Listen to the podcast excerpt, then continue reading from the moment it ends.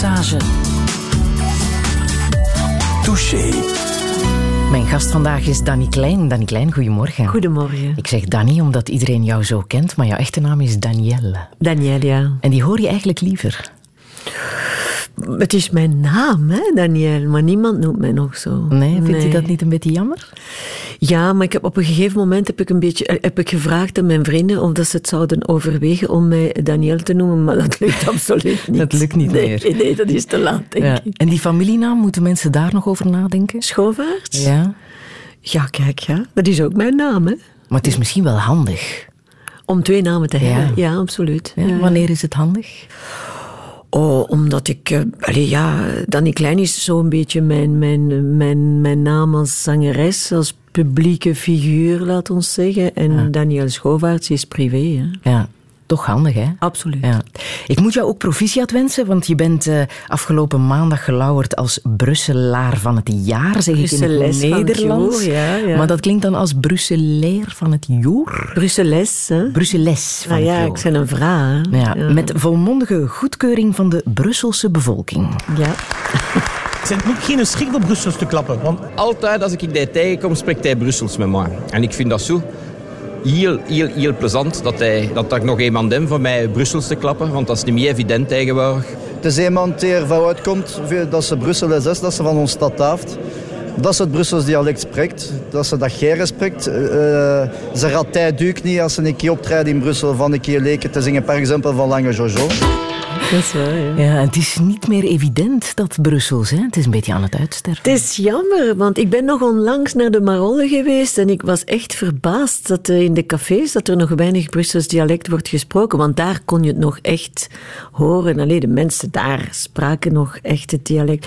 Maar er zijn nog, allee, als je naar Anderlecht gaat of zo, of eh, sommige buurten, en de oudere mensen, dat is wel jammer, want eh, ja, die oudere mensen, een keer dat ze er niet meer zijn, dan... eh, maar er is dus een, eh, een, ehm, een vereniging die, die het dialect levend probeert te houden. Hè. En is dat nu jouw taak om daar je best voor te doen en dat Brussels eh, warm te houden? Ik heb niet echt een taak, nee. Nee. Nee, nee. Hier wel. Twee uur praten met mij in. Touché. Ja, We gaan eraan probleem. beginnen. Danny Klein, heel blij dat je er bent. Dank je.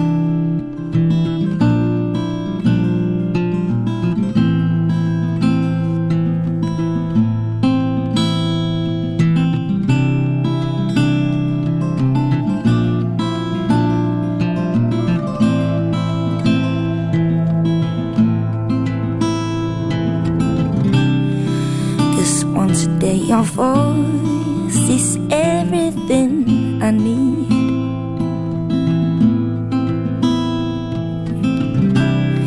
And all the things you've done give me power to succeed.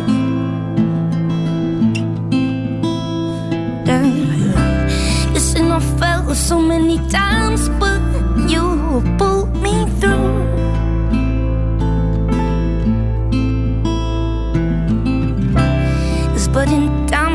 Time I yes. I hope you see that too. Cause when I feel scared, sometimes I do.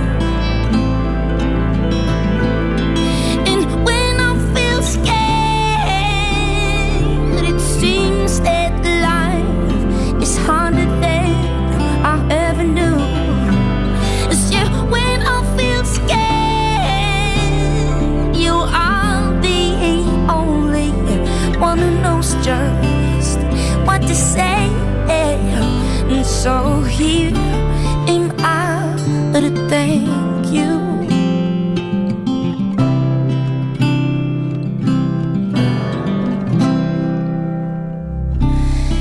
Yes, hey there, little girl, wake up and see.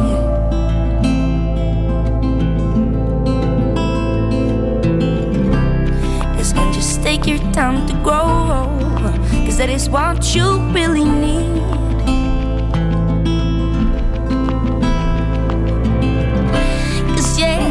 So many times, but you pulled me through.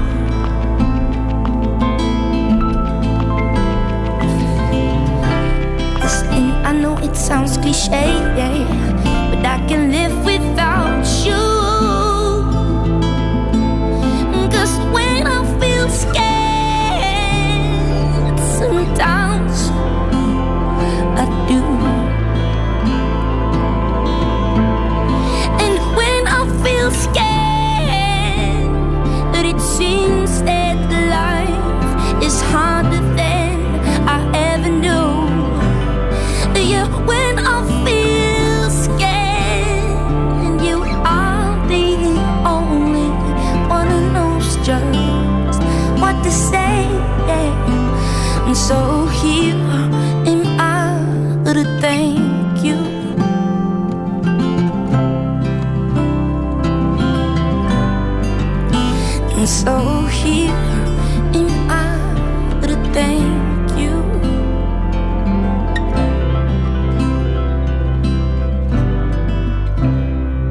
Sella Sue, ze zingt Mommy, I uh, gotta thank you. Canvas heeft haar gevolgd in Amerika. De documentaire wordt uh, vanavond uitgezonden. En gisteren op uh, de uitreiking van de Mia's was ze ook bij de prijsbeesten in de categorie Beste Vrouwelijke Artiesten. Heb je het een beetje gevolgd, Danny Klein, de Mia's? Nee, ik ben gisteren naar een voorstelling geweest van het Vol Brussels Volkstheater. Daar dus heb je nu een opdracht natuurlijk. Ik ben Shakespeare in het Brussels gaan... En hoe was dat? Uh, dat was heel goed. Echt waar, dat was echt supergoed. Ik was onder de indruk van de kwaliteit van alles eigenlijk. Van ja. uh, de mise en scène, van de kostuums. Van, het zijn allemaal vrijwilligers. Mm -hmm. uh, maar het was, ik vond het, het was hoog niveau. Echt ja. waar, echt ja. waar. Het was ook plezant natuurlijk. Voor mij is het altijd plezant om, om Brussels te horen. Hè. En volg je de muziekscene van nu een beetje? Zoals de winnaars van de afgelopen nacht, Triggerfinger... Netsky? Nee, niet echt. Nee? Nee, ik vind, er is zoveel. Het is moeilijk om, uh, om alles te volgen, vind ik. Ik ja. luister naar de radio uh, in mijn wagen, maar voor de rest luister ik, luister ik heel weinig naar muziek. Mhm. Uh -huh. En meer en meer naar klassieke muziek. Nu, 25 jaar geleden. nu, 25 jaar geleden, toen, toen jij begon, toen uh, klonken die wedstrijden ook helemaal anders. Je moet eens luisteren. De Baccara-beker 87 wordt gewonnen door de ploeg van de provincie Brabant. Danny Klein, Margriet Hermans. Ja, de Baccara-beker was dat Ja. toen, hè, 25 jaar geleden. En dat ging nog per provincie. Ja, inderdaad. Ja, ja, en hier nog met Margriet Hermans. Dat was leuk hoor. Dat is een toffe Margriet Hermans. We hebben goed gelachen. Ja, ja, dat was echt heel tof. Die, die zong ook heel goed, vond ik. Die had een zeer eh, mooie stem. Ja. Ja, ja. Hoe kijk je daar zelf op terug? Op die beginjaren van Danny Klein? Het was ook de periode dat Faya con Dios begon. Ja, dat is heel spannend natuurlijk, want je, hebt, ja, je wilt jezelf bewijzen, je wilt iets bereiken. Dus ja, je, ja, je, bent, eh, je bent bezig, je, je bent bang en je wilt het goed doen. En, eh, Het is spannend. Het is Mhm. Was dat ook spannend. echt wat je wou, de muziekbusiness in? Was dat jouw doel? Oh ja, ja. Ik wou, ik wou eh, beroemd worden en ik wou, ik wou dat de hele wereld mijn platen zou beluisteren en kopen. Dat is gelukt. Niet helemaal, Je bent toch beroemd Ja, en ja. over de hele wereld? ja, een beetje, een beetje. Ja, een beetje. En hoe kijk je daar nu op terug, op die Ik dacht droom? niet dat dat mogelijk was, maar ik wou er alles voor doen. Mhm. En eh, hoe kijk ik nu terug? Ja, het is, het is een avontuur geweest. Eh, ik ben wel blij, ja. Ja, toch Ja, wel. Ja, ja. Ja, ondanks alle ja, bijkomstigheden die misschien niet zo leuk zijn geweest. Dat is in alles, denk ik. Hè? Mhm. ja, nee, maar ik ben wel blij. Ja. Ik, ik denk dat ik nu pas begin te beseffen. Ik word 60 op 1 januari en ik denk dat ik nu pas begin te beseffen hoeveel chance dat ik gehad heb eigenlijk op dat vlak. Hè, met, met mijn carrière. Want het heeft ook veel met chance te maken. Hè. Als klein meisje, waar, waar was jij mee bezig? Was jij toen ook al met muziek? Ik was ook altijd aan het zingen, ja, vanaf kleins af. Ja, ja, ja. En ook veel aan het lezen. Ja, nou, ja. Onder andere Le Mur van Sartre. Dat- Dat is ja, zo'n dat boek was- ja. dat je echt uit je, je kindertijd, je jonge jaren hebt Dat was meegenomen. een keerpunt in mijn leven. Ja, Ja? ja absoluut. Waarom? Omdat dat eigenlijk zo ehm, het, eerste contact was met de realiteit die ik vermoedde. Allee, dat, ik, dat was zoiets zo in mijn buurt, was alles zo gewoon en allee, alles kalm en een beetje vervelend, vond ik. Ja. En, eh, en ik voelde dat, dat daarachter van alles zich afspeelde. Zo. Dat, dat, dat de realiteit veel ingewikkelder was. En een beetje, misschien ook een beetje hm, gruwelijker dan wat, wat uh, men vertelde. Hè? En op welke manier vond je dat terug in dit boek, Le Mur van Sartre? Omdat ik vind het zeer uh, realistisch. Het is, uh, ja... Die, het is wel een hard verhaal, hè? Maar ja, maar daarom. Ja, ja, ja. ja. Hoe dat uh, de mensen in elkaar zitten is veel ingewikkelder dan wat ik... Allee, wat mijn, mijn omgeving te, ah. toonde, wat, ja. Wat, weet, wat moeten we weten over dat verhaal? Van? Le Mur? Maar ik vond het heel boeiend ook op uh, seksueel vlak. Natuurlijk, als je dertien bent, ben je daar natuurlijk mee bezig. En bij mij thuis, daar werd absoluut nooit over seks gesproken. Dat was iets vies, dat was iets vuils, dat was iets... Uh, dus daar werd niet over gesproken. En dan ja, natuurlijk ga je zo een boek lezen en dan word je er wel echt mee geconfronteerd. Niet, niet op een ideale manier, niet zoiets... Het is geen, geen ideaal beeld, hè. Het is hoe dat het, hoe, hoe dat het echt in elkaar zit soms. En dat was voor mij wel uh, wauw. Ja, herinner je dan nog scènes die uh, zijn Mm, bijgebleven? Nee, ja, ik weet dat er een... Uh, hoe zeg je dat in het Nederlands? Dat er een, impuissant... dat er een man is die niet kan presteren, hè, seksueel. Um, en ja, ook een vrouw die ontrouw is. Het zijn zo de spelletjes die mensen spelen. En, en, de, en het seksuele die daartussen zit ja. zo. Dat vond ik wel... Uh, ik dacht, ah, Als dertienjarige dacht je, ah, dat is het echte leven. Dat is het echte leven, ja. ja. Kon je daar thuis over praten met nee, jouw nee, moeder? Nee, no, absoluut nee, nee, nee. nee? nee, nee, nee. Hm. Daar werd over seks niet gesproken. Mijn moeder vond dat totaal... Ze zei, de wereld zou veel uh, aangenamer zijn en veel beter zijn, moest seks niet bestaan. Dat ja. is wel een sterke uitspraak. Ja. Dan was jij er nooit geweest.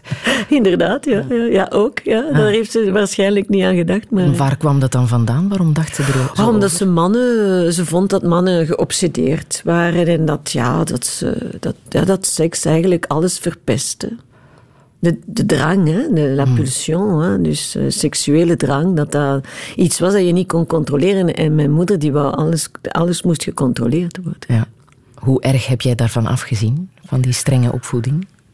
Ja, maar het was eigenlijk dubbelzinnig, want het, het, was streng aan de ene kant. Aan de andere kant mocht ik ook heel veel doen. Bijvoorbeeld, ik mocht altijd mensen uitnodigen. Vriendinnetjes kwamen spelen, kwamen slapen. Ik mocht uitgaan, ik mocht veel doen. Maar aan de andere kant was ze voor andere dingen wel streng, ja. Mm. ja. Dan ben je toch op een bepaald moment thuis vertrokken, hè? Toen ik 17 was, ja. ja omdat je de vrijheid wou? Omdat je oh ja, je ik had elke, avond, elke dag had ik ruzie met mijn moeder. Hè, want ik wou van alles doen en ik mocht niet. En dus uh, toen ik 17 was, dacht ik van ja, nu is het afgelopen. Ik ga, ik ga hier weg. Ik ga mijn eigen leven...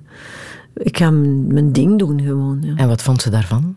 Oh, ze vond dat verschrikkelijk. Ja. Mm -hmm. Ze heeft mijn sleutels willen afpakken. En dan voor de eerste keer heeft mijn vader dan...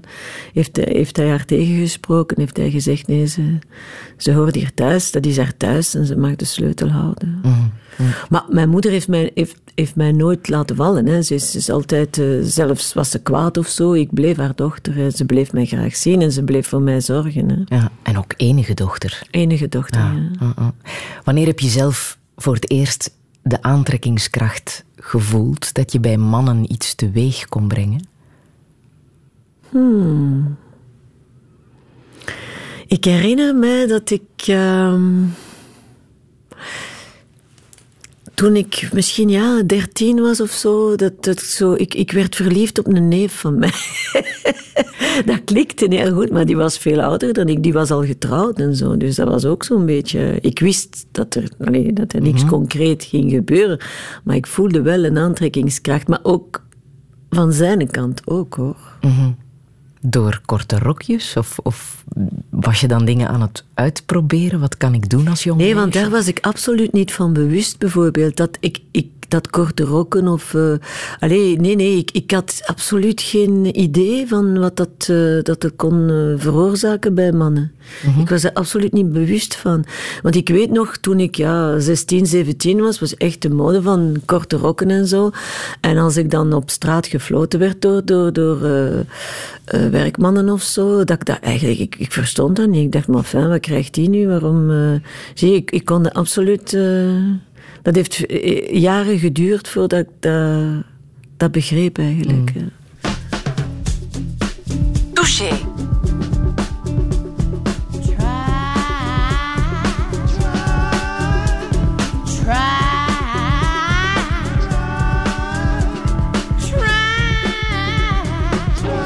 Just a little bit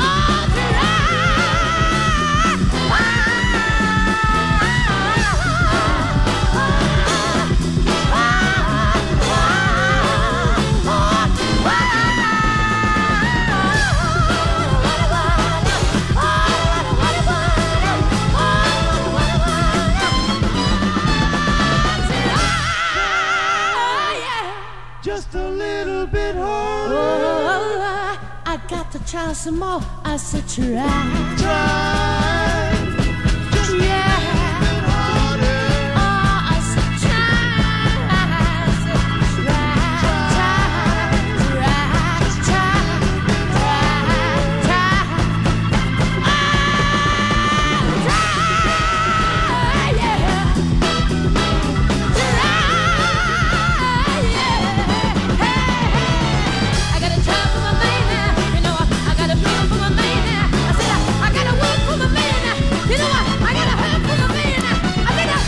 Janis Joplin en Try Just a Little Bit Harder. Het staat op Fill Your Head with Rock.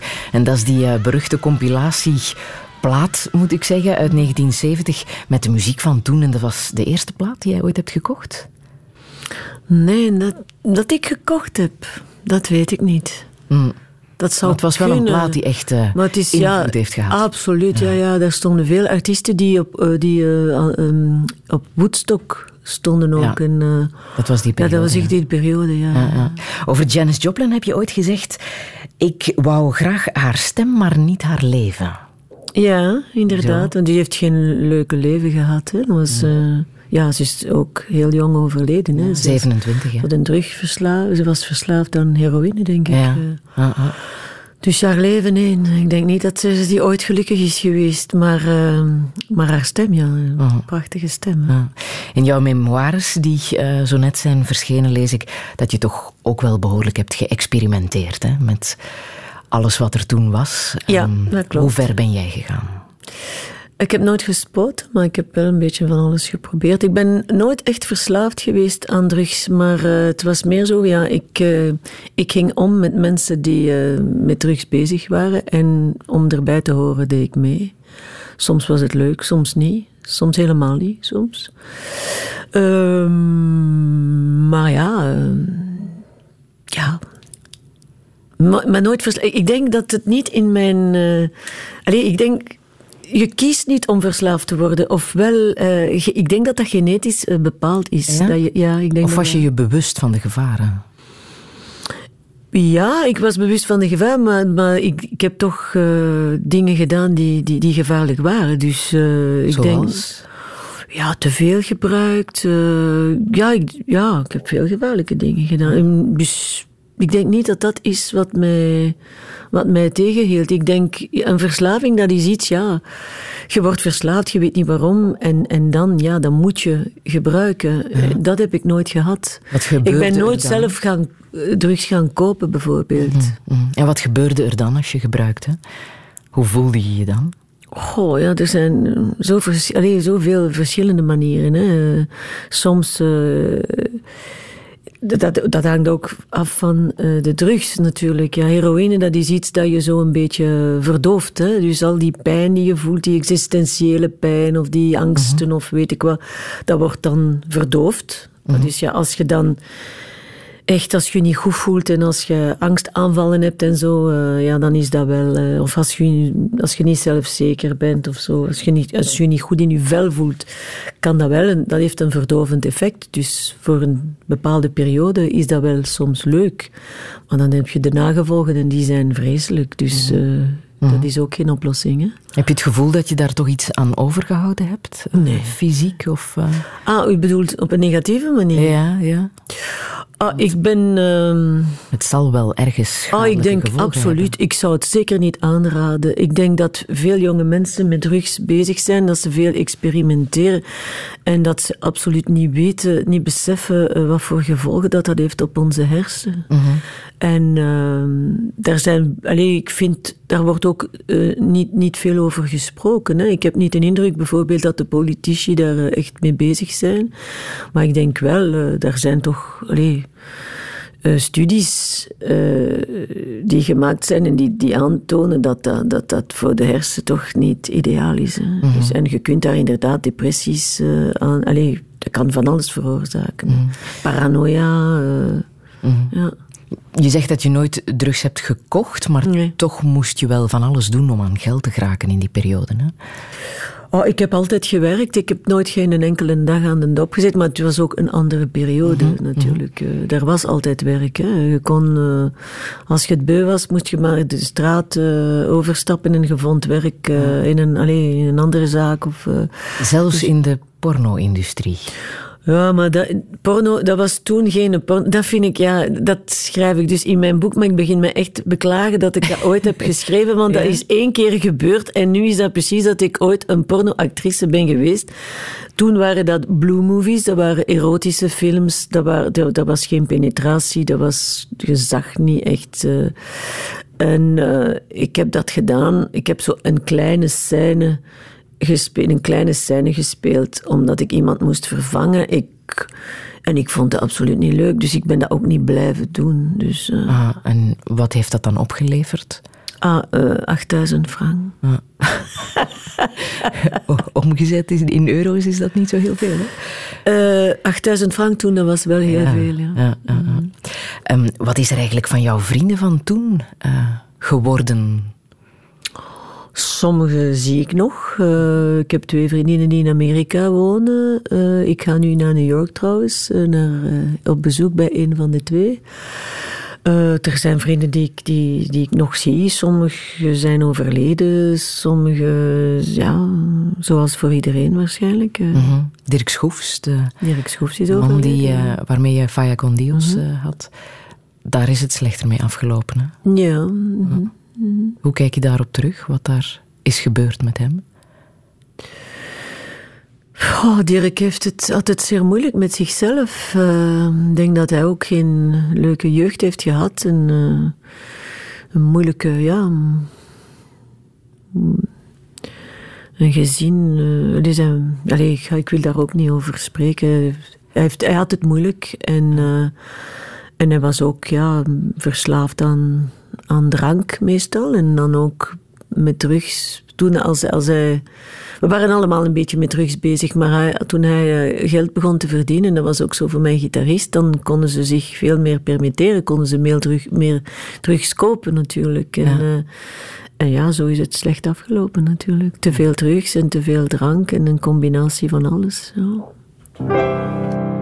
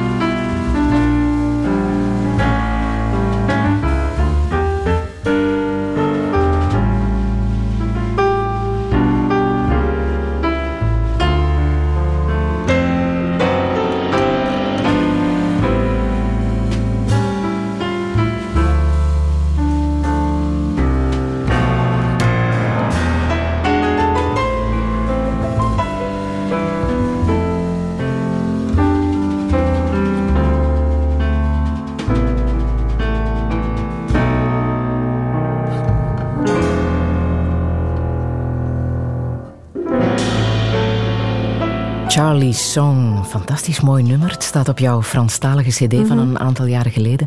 Een compositie van jouw vader. Ja, mijn vader was altijd met muziek bezig. Hij is nooit een professionele muzikant geworden, maar was altijd met muziek bezig.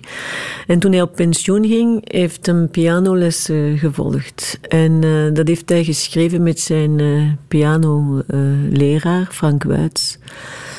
En ehm, toen ik mijn Franstalige plaat heb opgenomen, was mijn vader al ziek. En ehm, ik heb gevraagd aan, ehm, aan mijn pianist William Leconte om het nummer te arrangeren. En ehm, dan heb ik mijn vader uitgenodigd naar de studio. En heeft hij die opname bijgewoond. En hij was, was fier, hij was trots, hij was blij. Dus ja. Ja. mhm. Komt het ook overeen, de sfeer van dit nummer, met hoe hij was?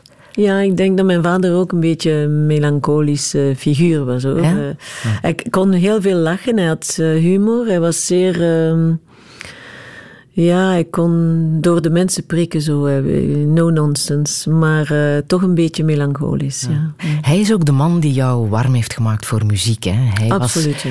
degene die jou meenam naar platenwinkels en zo. Mhm, Ja, ja, ja. ja. Hoe deed hij dat? Hoe, hoe maakte hij jou Maar- warm voor muziek? Hij kocht veel platen, maar en hij was eigenlijk een DJ avant la lettre, want hij nam programma's op. Hij had zo'n bandopnemer en hij, hij maakte zijn eigen eh, programma's, zo eh, compilaties, laten we zeggen. ja? Ja. En, eh, dus hij was altijd met muziek bezig. Hij speelde gitaar thuis, klassieke gitaar. En de zaterdag namiddag, mijn moeder werkte in de stad, in een stoffenwinkel. En hij ging dan, eh, hij had congé de, de zaterdag. Dan ging hij altijd naar de platenwinkels. Toen kon je nog zo, kon je zo in de zetel zitten met twee... ehm, eh, Boxen? boxen Ja. zo. En eh, je kon gewoon naar platen luisteren voordat je een plaat ging kopen. Hè. Dus hij deed dat elke zaterdag namiddag. Aha, En hij zijn, kocht ook platen voor mij. Ja, Mm, terwijl zijn job iets helemaal anders was. Hè? ja hij werkte eh, op eh, de luchthaven bij Esso. Hoe heb je afscheid van hem genomen? Hoe heb ik afscheid van hem? Hoe bedoel je? Ja, toen hij stierf? Eh, de ceremonie bedoel je? Of, eh? Heb je een laatste gesprek gehad? Ah. Ehm, nee, ik heb veel met hem op, op het einde van zijn leven heb ik veel met hem, eh, veel met hem gesproken. Ehm, maar op het einde was er niet meer. Allee, Mm. het was wel moeilijk op het einde. Hij heeft afgezien en dat vond ik. eh, Ja. Heb je iets tastbaars aan hem als eh, herinnering? Iets dat je koestert? veel natuurlijk. Ja, ja, ja. Van jouw eigen zoon is er een portefeuille die je koestert. Eh, ja, toen hij klein was, heeft hij me voor, mijn, voor moederkesdag zo'n eh, zo'n kleine portemonnee, zo'n, st- zo met eh, Chinese stof. Zo. Ja? Ja. Ja, dat heb ik nog altijd. Ja? Ja. Waarom is dat zo belangrijk? Ik weet niet, ik vond dat zo schattig. Ja. Heb je in jouw opvoeding met je eigen zoon het anders kunnen doen dan de opvoeding die je zelf hebt gekregen? Ik heb het zeker anders gedaan, maar ik weet niet of het beter was. we denken allemaal dat we het beter gaan doen omdat we het anders gaan doen, maar eh, het was zeker anders, maar eh, ik denk niet dat het beter was. Ja, het was misschien zelfs uniek, de opvoeding die je hebt gegeven aan je zoon. Want het waren de jaren van Vaya con Dios, hè? Ja, ja, maar elke situatie is uniek, elk mens is uniek. Hè? Ah, ah. Het is evident dat hij in de muziek is beland, of, of niet? Dat weet je nooit. Hè? Eh, je hebt kinderen die in contact eh, komen met muziek van kleins af en die, geen, die daar niet, niet speciaal in muziek geïnteresseerd raken. Hij was wel altijd, met, alleen met, ook met mijn vader hè, bijvoorbeeld. Als hij, hij ging veel bij mijn ouders en mijn vader was ook veel met hem bezig en ze maakten zo van die radioprogramma's en zo. Ah. En hij heeft eh, die Franstalige CD mee geproduceerd. Ja, absoluut. Ja. Dat is toch wel een bijzondere samenwerking, denk ik. Dat was heel leuk. Moeder ja. en Hij- zoon. maar hij is ook eh, zeer getalenteerd, vind ik. Het is niet, ik heb hem niet gevraagd omdat hij mijn zoon was. Ik heb hem gevraagd omdat, omdat ik vond dat hij de, ges- de meest geschikte persoon was om dat te, te doen. Mhm. Een mooier compliment kan je niet krijgen, denk ik.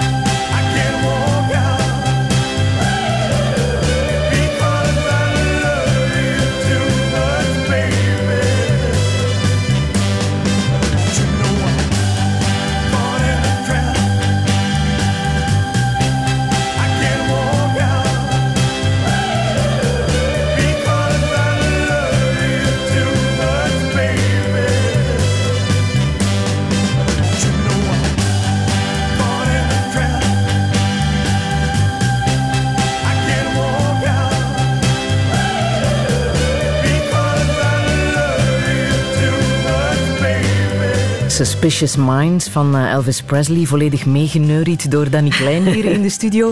En eh, je zit hier heel bewonderend naar onze computer te kijken. Ja, 4 minuten 25 duurt Ja, dat dat is lang voor een nummer van toen. Ja. Ja, ja, ja. Normaal gezien was dat zo tussen twee en drie Tussen twee en minuten. drie Ja. minuten. ja. Maar de staart is natuurlijk eh, de hele Ja. tijd hetzelfde. Ja, ja, ja. Wat heb jij met Elvis? Oh, ik vond hem prachtig. Ik vond hem sexy. Ik vond hem mooi. Ik vond hem... eh, ik, ik vind zijn stem ongelooflijk. Die, die, ja, die had iets eh, dat je niet zo vaak tegenkomt. Hè? Mhm. Nochtans, je hebt ooit zijn hele collectie, je hele Elvis-collectie verkocht, hè? Ja, maar dat was omdat ik... eh, goh, ja, ik leefde... Ik woonde in Amerika en... ik had, mijn, mijn zoon was pas geboren en ik werd zwanger opnieuw. En eh, dat, ja, dat kon absoluut niet. eh, de situatie was absoluut niet oké voor een tweede kind. En eh, dus ik moest, ik wou abortus laten plegen en ik had geen geld. En op dat moment is Elvis overleden. En in de garage van het huis die wij huurden, stond er een, zo'n een, een oude pick-up zo, met allemaal eh, Elvis-platen. En dan heb ik die Elvis-platen verkocht om mijn abortus te kunnen betalen. Twee keer pijn, denk ik dan. Nee, ik had geen pijn om die platen te moeten verkopen. Ik ben niet zo gehecht aan, aan dingen. Mhm.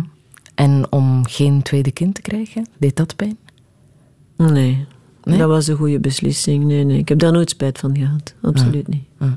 Nee. Dat was het Amerika van eind jaren 70, het Amerika Mhm. van eh, Jimmy Carter was toen Ja. president. Een heel ander Amerika dan het eh, Amerika van deze man. We have picked ourselves up.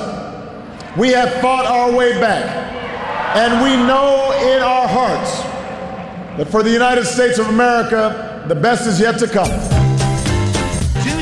Touché. Barack Obama en the best is yet to come. Het heeft jou geraakt hè, toen hij verkozen werd en ook nu bij de herverkiezing.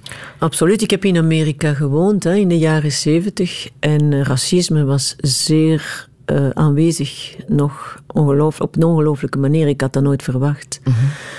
En dat je dan eh, ja, op een gegeven moment een zwarte presi- Amerikaanse president krijgt, dat was voor mij, ik denk, ja, allee, de wereld verandert toch soms in de positieve zin, zie je.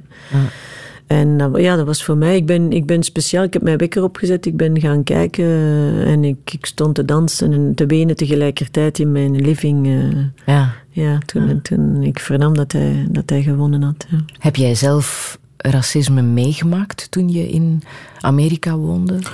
Ja, want ik had een relatie met een zwarte man. En bij mijn vrienden was dat echt eh, onaanvaardbaar. Ja, dat, dat was echt indrukwekkend dat de mensen, allee, dat de zwarte gemeenschap en de blanken, die, die hadden niks met elkaar te maken. Die, die, die kwamen nooit samen, die deden niks samen. Dat, was echt, dat waren twee verschillende werelden in, in één stad eigenlijk. Ja, ah. Je hebt ook veel eh, Amerikaanse literatuur gelezen, hè?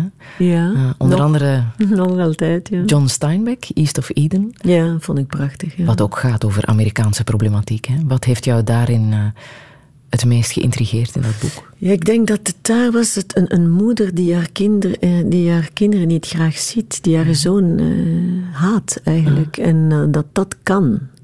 Ik denk dat mensen dat niet beseffen, maar een moederinstinct is niet vanzelfsprekend. Niet iedereen heeft dat. Hè. Ah. En waarom eh, raakte jou dat? Het was weer al zo'n eh, ontdekking, zo weer al zo'n een aspect van eh, de realiteit die, Confronterend. die confronterend was. Ja. Ah, ah. Wat lees je nu nog? Oh, ik lees veel hoor. Eh, ja, wat lees ik? Op dit moment heb ik, ik heb Sue Grafton ontdekt. En dat is een Amerikaanse schrijfster die, eh die eh, detectiveverhalen... eh, en ik las dat nooit. Dat was een genre die ik nooit las. Maar dit vind ik wel ongelooflijk goed. Haar verhalen zijn sterk, maar ook hoe, dat ze, allee, hoe dat ze de mensen beschrijft. De psychologie van, van haar personages vind ik echt superleuk. Ja. Is het dat wat je graag hebt, zo? Dat er psychologie achter zit? dat je- Absoluut, ja. Mm. Ja? Ja, hoe dat de mens in elkaar zit, ja, dat vind ik boeiend. Ja. Mm, Daar gaan we het nog over hebben. Mhm.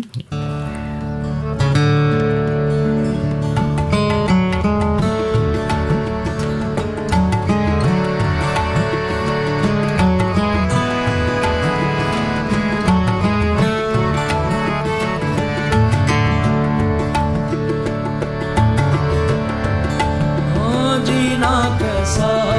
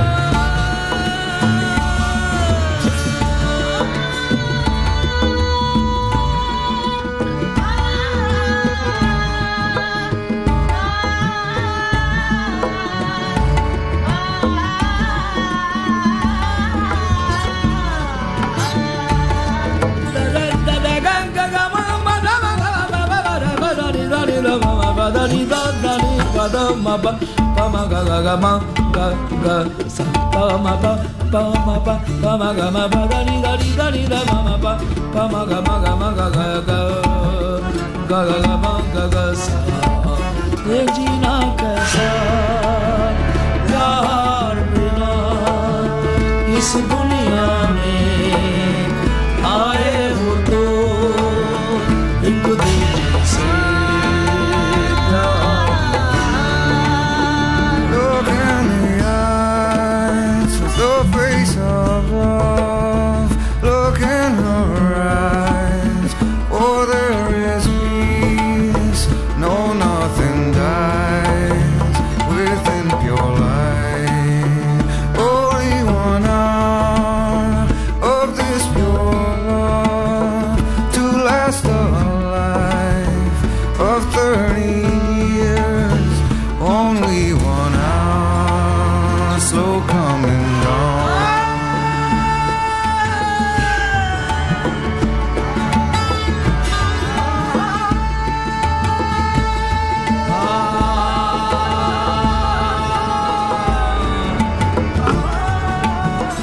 Fantastische muziek uit de film Dead Man Walking, Nusrat Fateh Ali Khan met Eddie Vedder.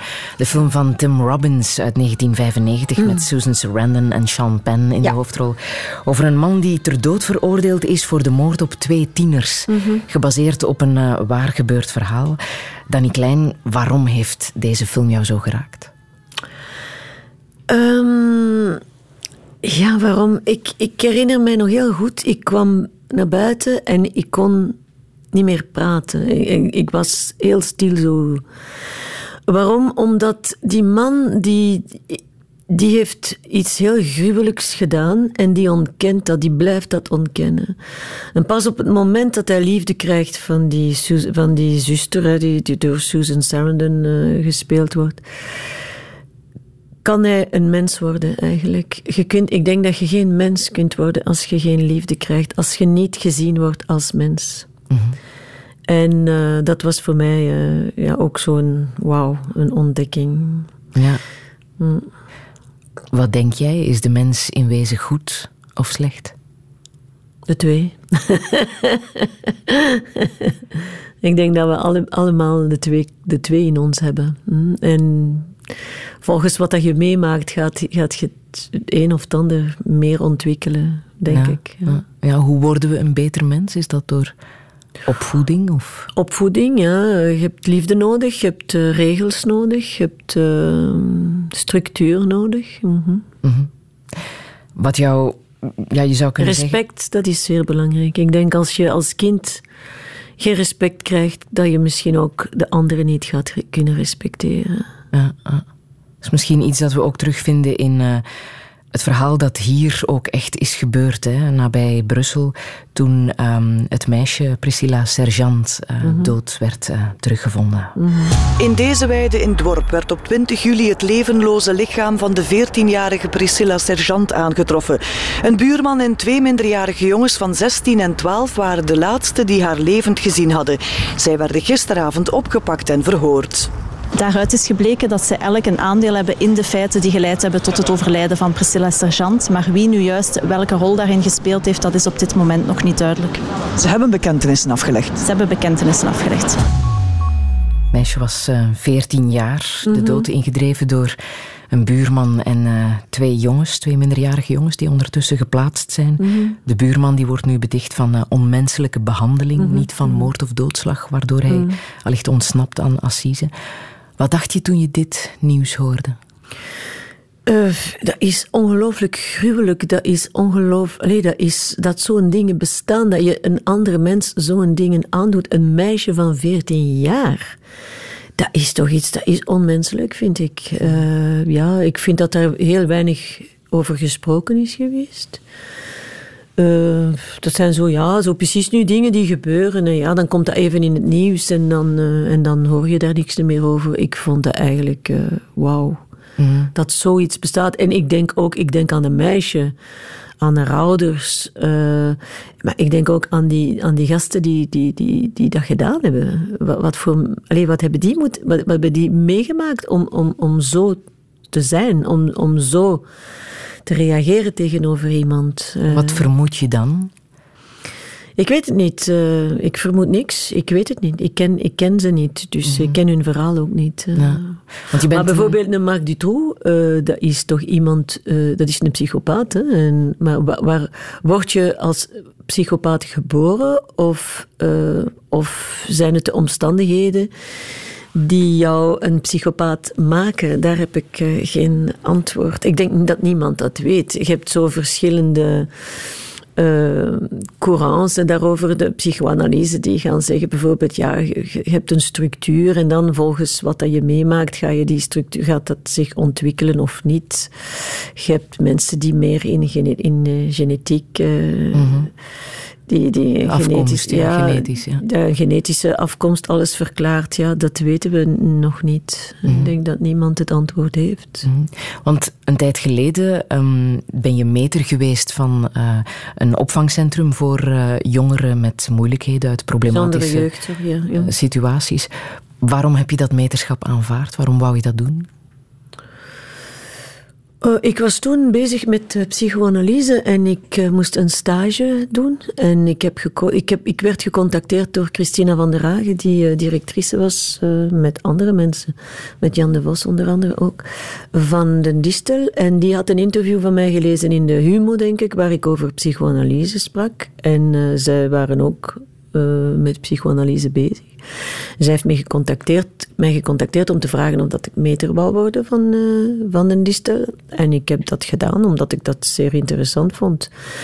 Ehm, ik moet zeggen dat het was een zeer, eh, dat is een zeer eh, leerrijke ervaring geweest op alle vlakken, ook op emotioneel vlak. De kinderen die ik daar eh, ontmoet heb, dat eh, soms, ik weet niet, je hebt zo mensen die, ik, ik zag die allemaal graag, e- allemaal evenveel. Eh, ik, heb het, ik, ik weet niet, ik heb altijd een heel ehm, goed contact gehad met, eh, met mensen en, en vooral kinderen die het niet gemakkelijk hebben gehad in het leven. Ja. En welke kinderen en jongeren kwamen daar precies terecht? Er waren kinderen die, eh, die geplaatst werden omdat, ze thuis, omdat het thuis onveilig was, omdat het thuis proble- allee, problematisch was. En, En hoe pakken ze dat daar aan in, in zo'n centra? Die kinderen wonen daar en die hebben eigenlijk hun kamer en eh, die gaan naar school. eh, Die hebben, die, die hebben daar een leven eh, gelijk als ze thuis zouden moeten hebben. Natuurlijk zijn ze met veel en hebben ze voor elkaar niet gekozen, maar, en voor hun opvoeders ook niet gekozen. Maar je kiest voor je broers en zusters ook niet en je kiest ook niet voor je ouders. Hè. Dus, Maar een vader en een moeder kunnen ze daar niet geven. Hè? Hoe vangen ze Nee, dat maar op? soms is het beter dat als je, als je mm, een eh, gewelddadige en, of een, ja, een psychopaat als vader hebt of als moeder, eh, is het beter dat je niet in, eh, dat je door iemand anders opgevoed wordt. Hoor. En wat je daarnet zei, ja, je moet liefde krijgen. Op welke manier? Ja, absoluut. En als je, ja, als je het niet van je ouders krijgt, maar je krijgt het van iemand anders, is dat ook zeer belangrijk, denk ik. Mhm. En is dat dan van de opvoeders? Is dat dan de taak van de opvoeders om die liefde te geven? Nee, maar het gaat niet noodzakelijk over liefde, want opvoeders moeten ook een zekere afstand houden. Eh, ze kunnen de, je kunt de ouders niet vervangen, maar je kunt de kinderen met respect behandelen. En respect en liefde, ik denk dat dat zeer dicht bij elkaar ligt. Liefde is niet altijd noodzakelijk knuffelen, en, eh, maar iemand zien en horen voor wie hij of zij is. Dat is liefde, denk ik. Mis je dat in deze maatschappij, dat respect? Meer en meer, elke dag. Het, wordt, eh, het, het is, eh, het is echt niet meer te doen, vind ik, eh, op dat vlak. Ik denk dat de mensen zo vol stress zitten dat ze elkaar niet meer verdragen. En, Ligt het daaraan? Ja, ik Is denk er te veel stress? Veel te veel stress, ja. Alles gaat snel. ja, het is... Ik vind het geen leuke maatschappij. Hm. Nee.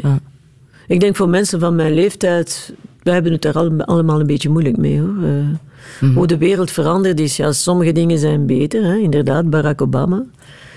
Maar... eh, maar andere dingen gaan serieus achteruit, vind ik, op menselijk vlak. Hè, op, eh, Mensen s- steunen elkaar niet meer en je moet het allemaal alleen doen.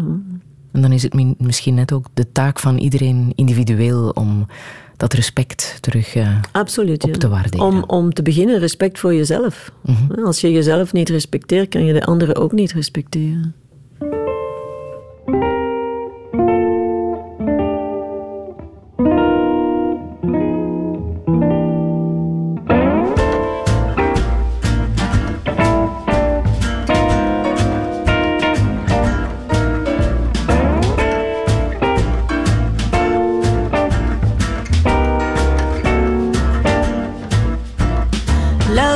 Vrai, c'est pas du gâteau.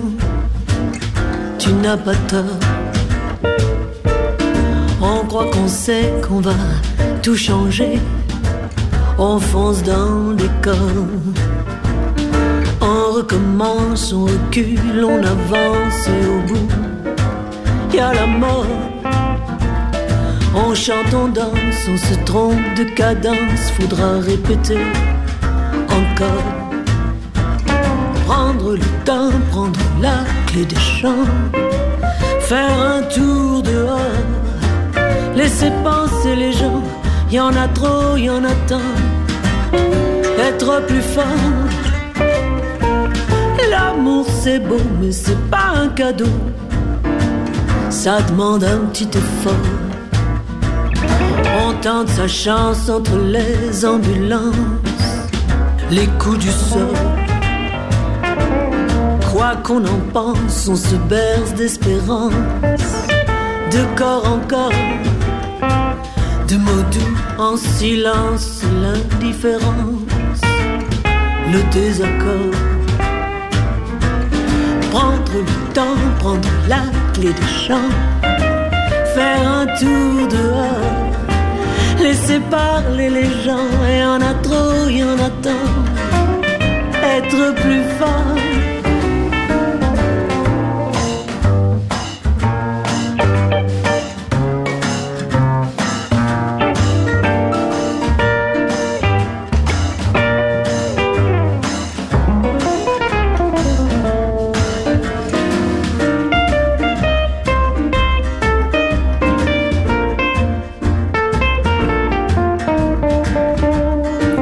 Qua samenvatting van dit eerste uur touché kan dit wel tellen. La vie c'est pas du cadeau van eh, Vaya con Dios. Radio 1. Friedel Lesage. Touché. Ook al is ze wereldberoemd als de zangeres van Vaya con Dios, toch hadden we het al over veel meer dan muziek alleen. De kwetsbaarheid van de jeugd, de toekomst van Amerika, het korte leven van Janis Joplin en de klassieker East of Eden van John Steinbeck. Zijn de dingen die haar raken. De gast in Touché vandaag, Danny Klein. Een zeer goede middag. Naast de man in het blauw staat een rood schilderij. Naast de man in het blauw. Achtervolgend intens zijn zij allebei in het rood en het blauw. En oh, het leven is soms mooi. De wereld geeft zich bloot in al zijn hoekigheid. Oeh, de schilder doet niet flauw. Hij schildert snel en rauw en wint tegen de tijd.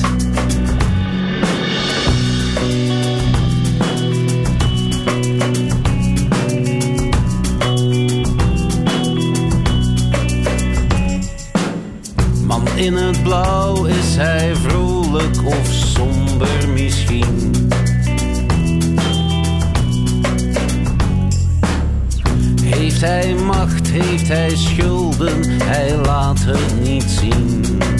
Man in het blauw. En oh, het leven is niet mooi. De wereld geeft zich bloot in elk nieuw schilderij.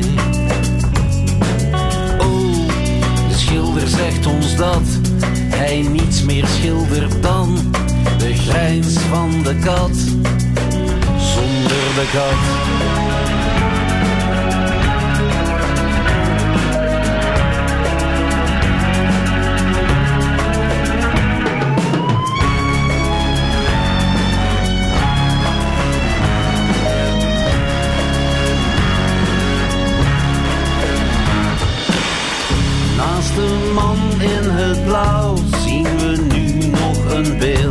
Naast de man in het blauw.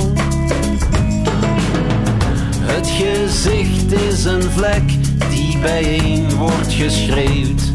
Oranje en blauw, man in het nauw.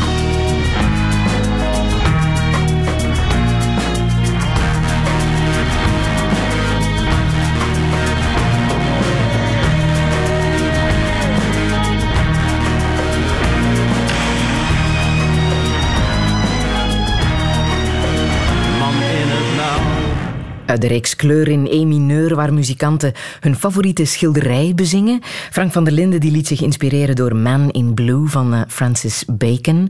Danny Klein, het is ook jouw favoriete schilder. maar Absoluut, ja. Dan heb je het meer voor een ander schilderij. Hè? Paus met uilen, dat is jouw favoriet? Ja, dat vond ik. eh, Ik vond dat. Ik, ik, heb, eh, ik ben naar een tentoonstelling van Francis Bacon geweest in Beaubourg in Parijs, jaren geleden.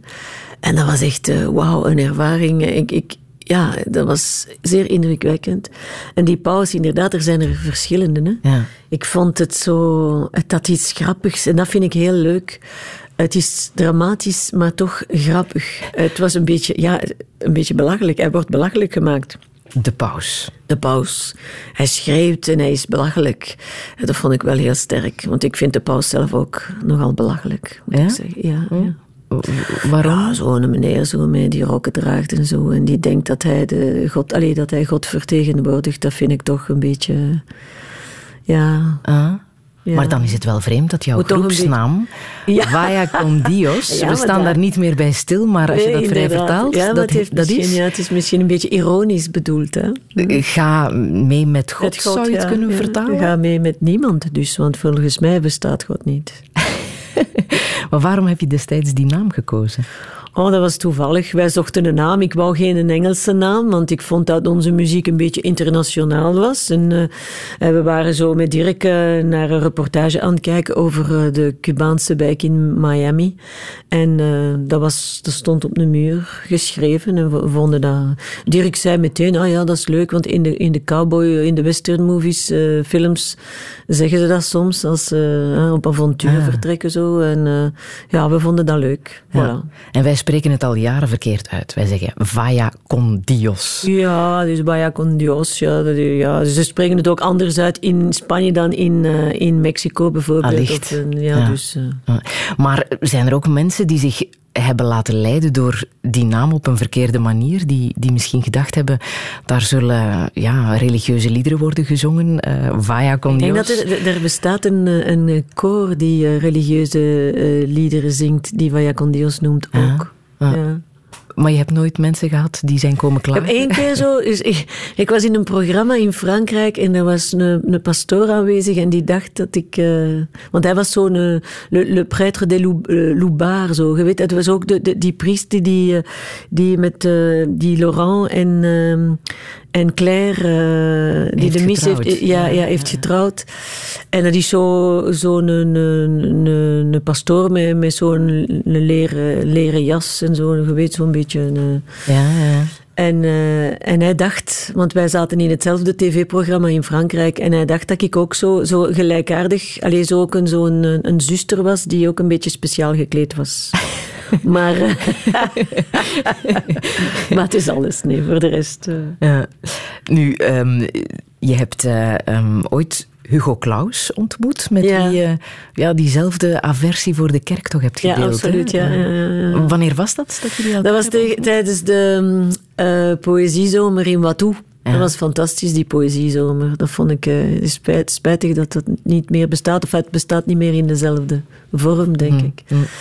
En eh, ja, dat was dus eh, in een kerk. Hè? Dus er waren verschillende dichters. Eh, Leonard Nollens was ook aanwezig. En die hebben daar dus hun gedichten voorgelezen. En Hugo Claus heeft een van zijn gedichten voorgelezen in die kerk. En dat was inderdaad een gedicht met serieus alleen tegen de kerk gericht eigenlijk. Ah. Ja. En toen dacht je, he's my man.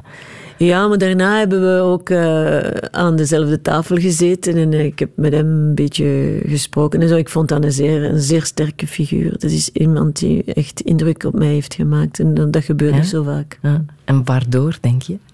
Ja, ik weet niet. Iemand met een zeer sterke persoonlijkheid en eh, ook uitgesproken mening en, en die er durft voorop komen. Een moedige man, vind ik. Mm. Vond ik. Mm. Had jij wat meer Hugo Clausen moeten tegenkomen in jouw leven? Dat weet ik niet. Ik weet niet of dat, eh, of dat iets zou veranderd hebben. Dat weet ik niet. Je kunt, allee, ehm, het is niet omdat je iemand met, allee, met iemand goed kunt praten of dat je allee, mening, van dezelfde mening bent, dat je met iemand kunt samenwonen. Hè. Dat is nog iets helemaal anders, denk ik. Mhm. Maar zo'n figuur als Hugo Claus, zou Wat? dat beter voor jou geweest zijn? Dat weet ik niet. Daar kan ik eh, absoluut niet op antwoorden. Ik weet niet hoe dat Hugo Claus in eh, zijn privéleven was. Want Ja. eh, dat weet ik niet.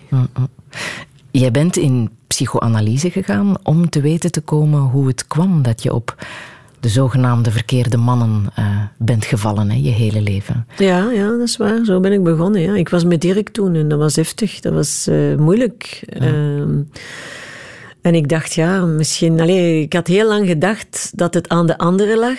En op een gegeven moment begon ik te denken, misschien ligt het wel aan mij. Misschien maak ik de foute keuzes. En eh, een vriendin die al lang in analyse zat, heeft mij aangeraden om dat ook nog mis- misschien een keer te proberen. En dat heeft twintig jaar geduurd, bijna. En ben je er wijzer uit geworden? Heb je er iets Ja, dat denk ik wel, ja. Ja, ik denk dat ik eh, een beetje de zaken meer kan relativeren. Dat ik ook beter begrijp hoe dat de mens in elkaar zit. Mhm. Maar ja, En wat heb je over jezelf geleerd dan? Ja, wat heb ik over mezelf geleerd? Dat ik mezelf veel wijs maakte en dat ik ook zo verwachtingspatronen had die, eh, die, eh, die een, beetje, dan, ja, een beetje naïef waren en een beetje belachelijk waren. En eh, dat ik ook veel van de anderen verwachtte, terwijl je het in jezelf moet gaan zoeken, denk ik. Ja.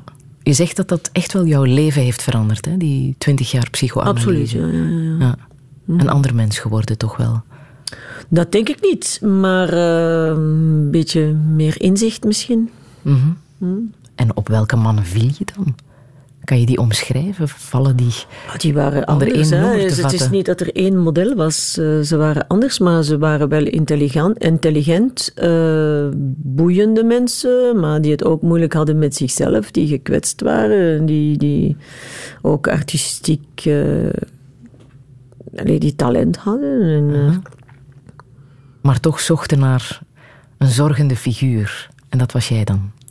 Ja, maar dat is ook zo. Dat is ook iets dat ik in eh, analyse heb geleerd. Hè. Je denkt, ja, je wilt de ander veranderen. Je wilt hem verbeteren. Je wilt hem genezen. Je weet, maar wie ben jij? Eh, ik bedoel, eh, je kunt de anderen niet genezen. Je kunt de anderen niet veranderen. Als je iets wilt veranderen, dan moet je aan jezelf werken. Misschien kan je aan jezelf iets veranderen en dan nog. Maar de anderen ga je nooit veranderen. En dat is ook zo'n soort... dat was mijn onzekerheid ook. Als je, dat je denkt, maar dat is allemaal onbewust, hè, dat je de andere gaat controleren. Hè, dat je vat gaat hebben op iemand anders. Dat is belachelijk, dat bestaat niet. Mhm. Maar toch antwoord je op de vraag: wat is het mooiste geschenk dat je ooit hebt gekregen? Daarop antwoord je: de liefde. Natuurlijk, ja. Ik denk, liefde is, eh, is een heel mooi geschenk. Dat is niet vanzelfsprekend en je krijgt dat niet, eh, niet eh, altijd en niet van iedereen. En eh, misschien ook niet van de mensen van wie je het zou verwachten, niet altijd. Maar als je liefde krijgt, vind ik dat, ja, dat is een heel mooi geschenk, ja. Het is geen toeval, denk ik, dat Madame Bovary van Flaubert Mhm. ook een van jouw favoriete boeken is. Wat herken je van jezelf in Madame Bovary?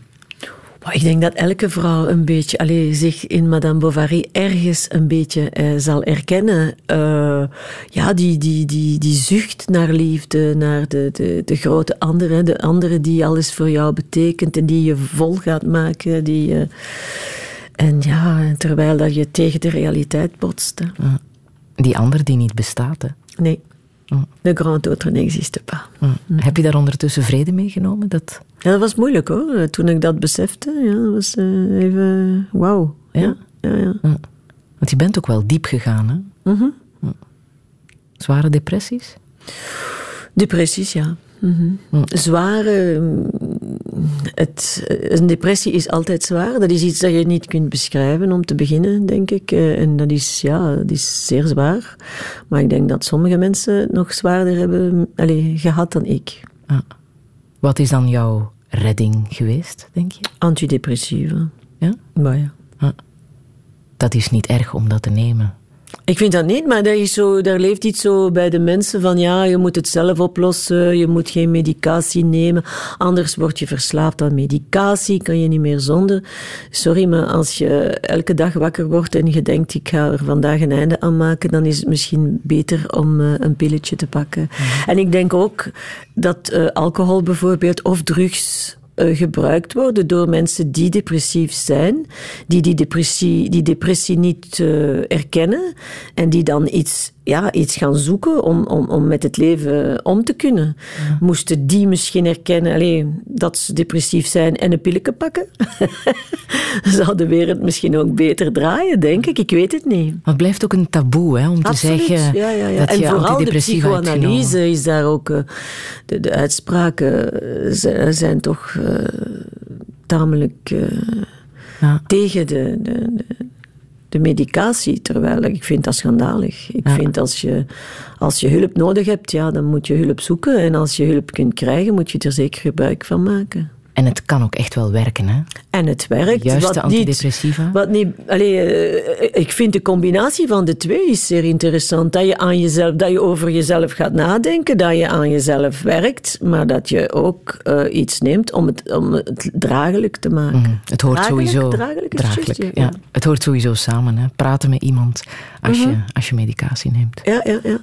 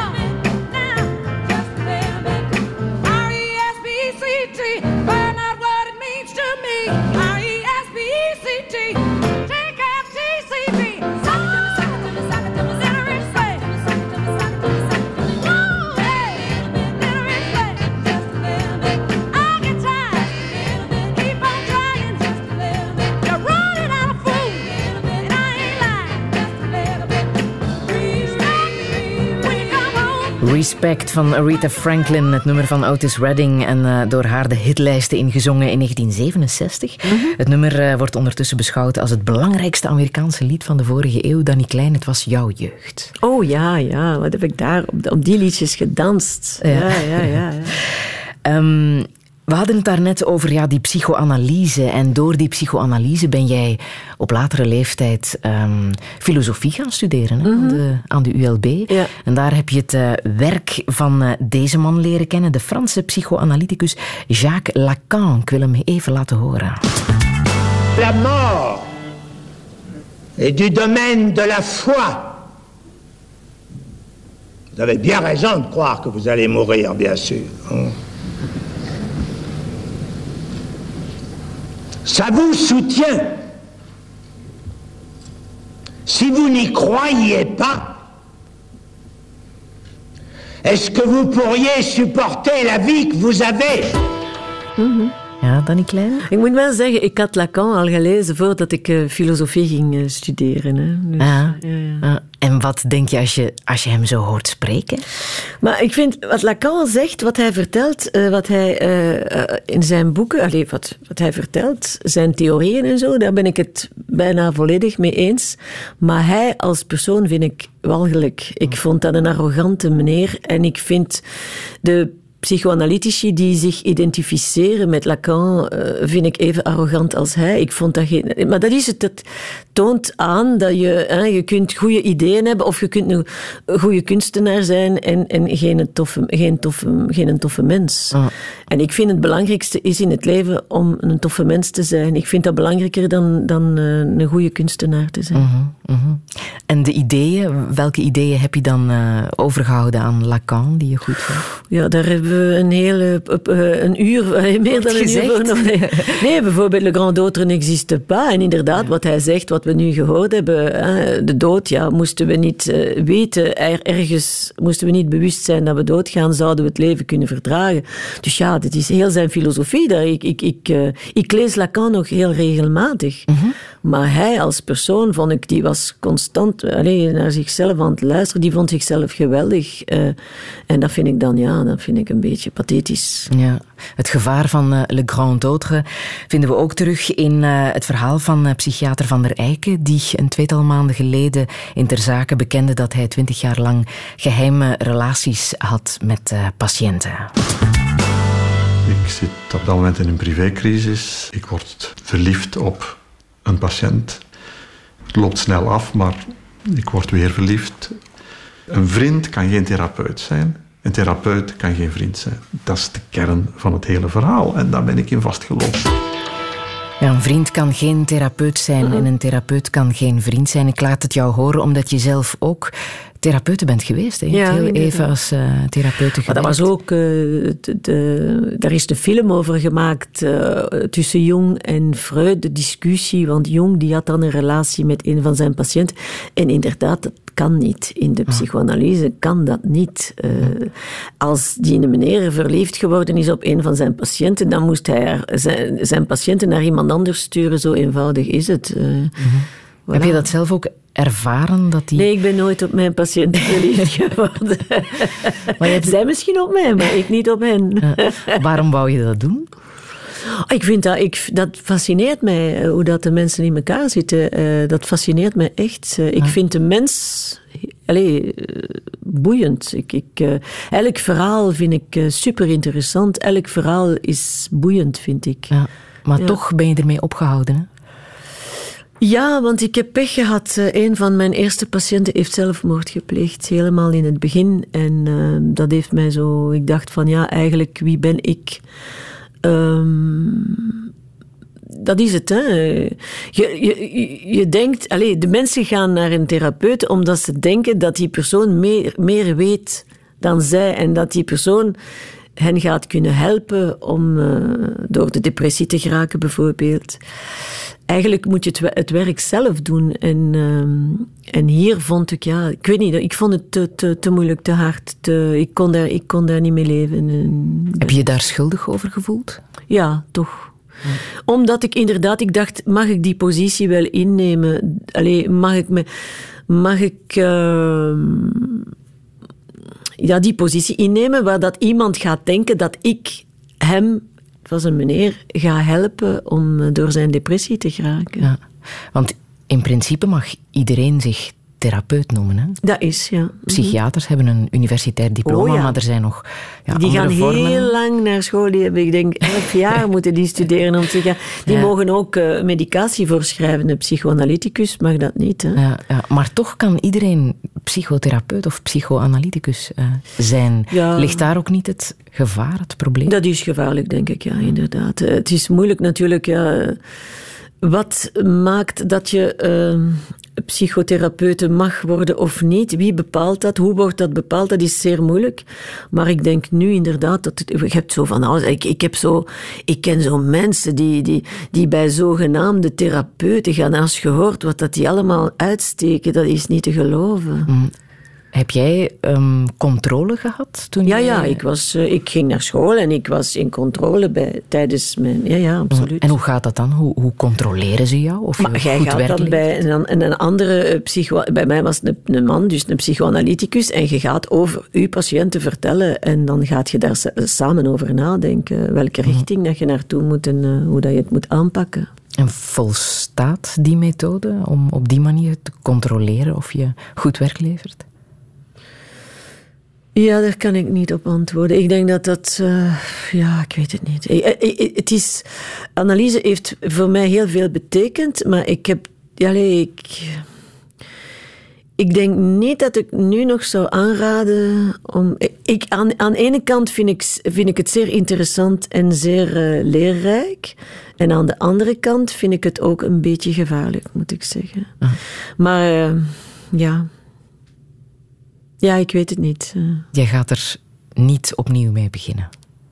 ik denk het niet, nee. Mm.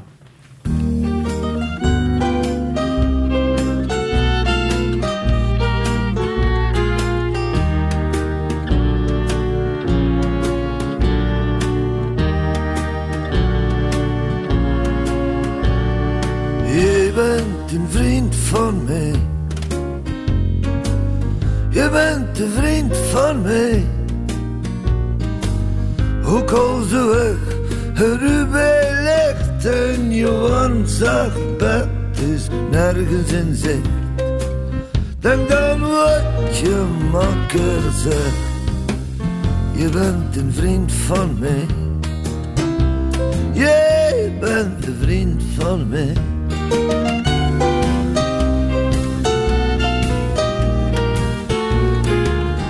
Je bent een vriend van mij. Je bent een vriend van mij. Als je problemen hebt, heb ik er ook en sta ik klaar om te helpen in nood. We blijven samen tot er dood. Je bent een vriend van mij. Je bent een vriend van mij.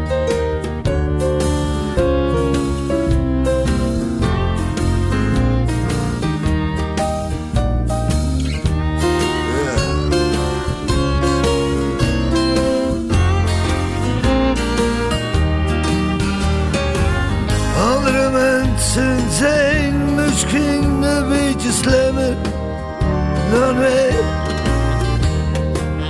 Een beetje roter, sterker ook, maar we blijven samen tot er dood. De jaren vliegen voorbij. Je blijft een vriend van mij. Je zal het zien, je blijft mijn vriend. Je bent de vriend van mij. Je bent de vriend van mij. Je bent de vriend van mij.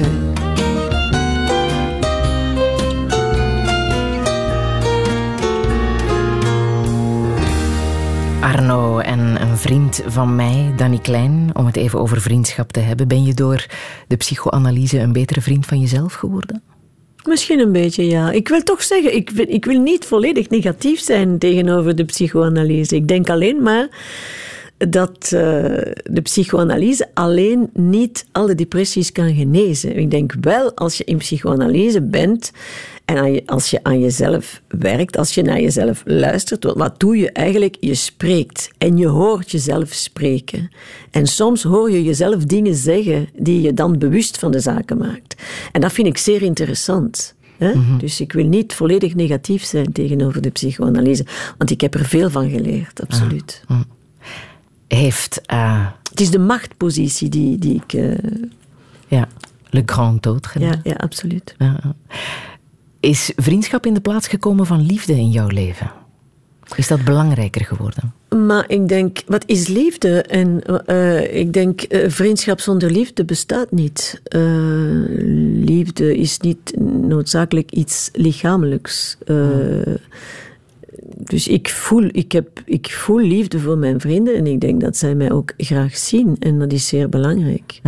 Ik heb geen partner, maar ik heb, ik heb niet veel, maar ik heb goede vrienden, ja. En eh, liefde is iets. Ja, ik heb liefde voor mijn. Ik voel liefde voor mijn zoon, ik voel liefde voor mijn kleindochter, ik voel liefde voor mijn vrienden, ja. Oh, Zou je dat nog willen, een partner? Nee, ik denk het niet. Nee. mm. Enfin, dat hangt af van welke partner natuurlijk. Maar ik denk niet, als ik realistisch ben, denk ik niet dat ik, alleen dat ik nog zo gemakkelijk eh, met iemand zou kunnen samenwonen. Ik woon nu al een hele tijd alleen. En dan ga je zo minder verdragen van een ander, denk ik. Ah, Eh, maar het is niet meer het grote verlangen. Het is niet meer... Helemaal niet. Dat gemis en dat is een dat grote opvullen. Mhm. opluchting. Als je niet meer zo, als je niet eh, gefrustreerd bent voor wat je niet hebt, maar blij bent met wat je wel hebt, dan begin je echt een beetje gelukkig te zijn in het leven, denk ik. Ben je nu gelukkig? Oh, soms wel, soms niet, eh, zoals iedereen, maar ik ben zeker niet ongelukkig in het algemeen. Ah, je ziet er heel goed en heel gelukkig uit. Dank als u. ik dat mag zeggen. Dank u. Nu, Behalve eh, jouw zoon en jouw kleindochter eh, is reizen ook heel belangrijk in jouw leven. Hè? Ja, absoluut. Daar haal je heel veel energie uit. Hè? En elk jaar zeg ik, nu is het gedaan, eh, maar dan na zes maanden begint het weer te kriebelen en moet ik weer weg. Ja, wat zijn de plannen? ik ga volgende week naar New York voor Aha, tien dagen. Ja. Ja. En ook de warme landen, hè? die trekken jou wel aan. Ja, een beetje exotische landen. Ja. Ik Ja. hou van warm weer, ik hou van de zon. Ik, hou, ik, heb, ik vind het veel lastiger om... Allee, de kou vind ik lastiger dan de, de Mm, hitte. mm. Jamaica, daar ben je geweest? Ja, dat vond ik... eh, vooral voor de muziek. Ik vond de muziek daar ongelooflijk. Iedereen heeft daar een ongelooflijke stem. Die muziek is fantastisch. Ja. Een Ah. beetje gevaarlijk, dat moet je wel weten. Maar... eh, en de stranden ook. En, eh, ja, en de rum. En dat komt allemaal door Bob Marley, denk je? Eh, mijn interesse, ik denk dat mensen hier in Europa niet wisten waar dat Jamaica lag voordat we Bob Marley hebben ontdekt. Ah. Bob Marley.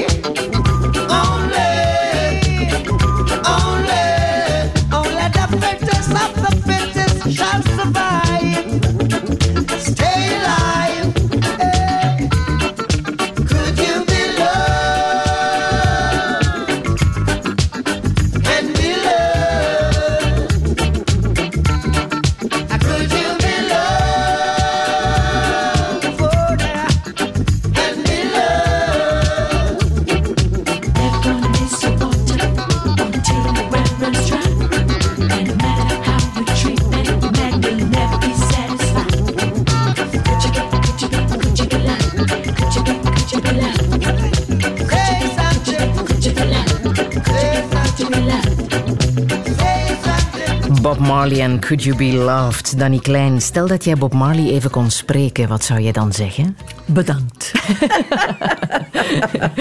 Zou je ook niet een heel klein beetje verliefd zijn op die man?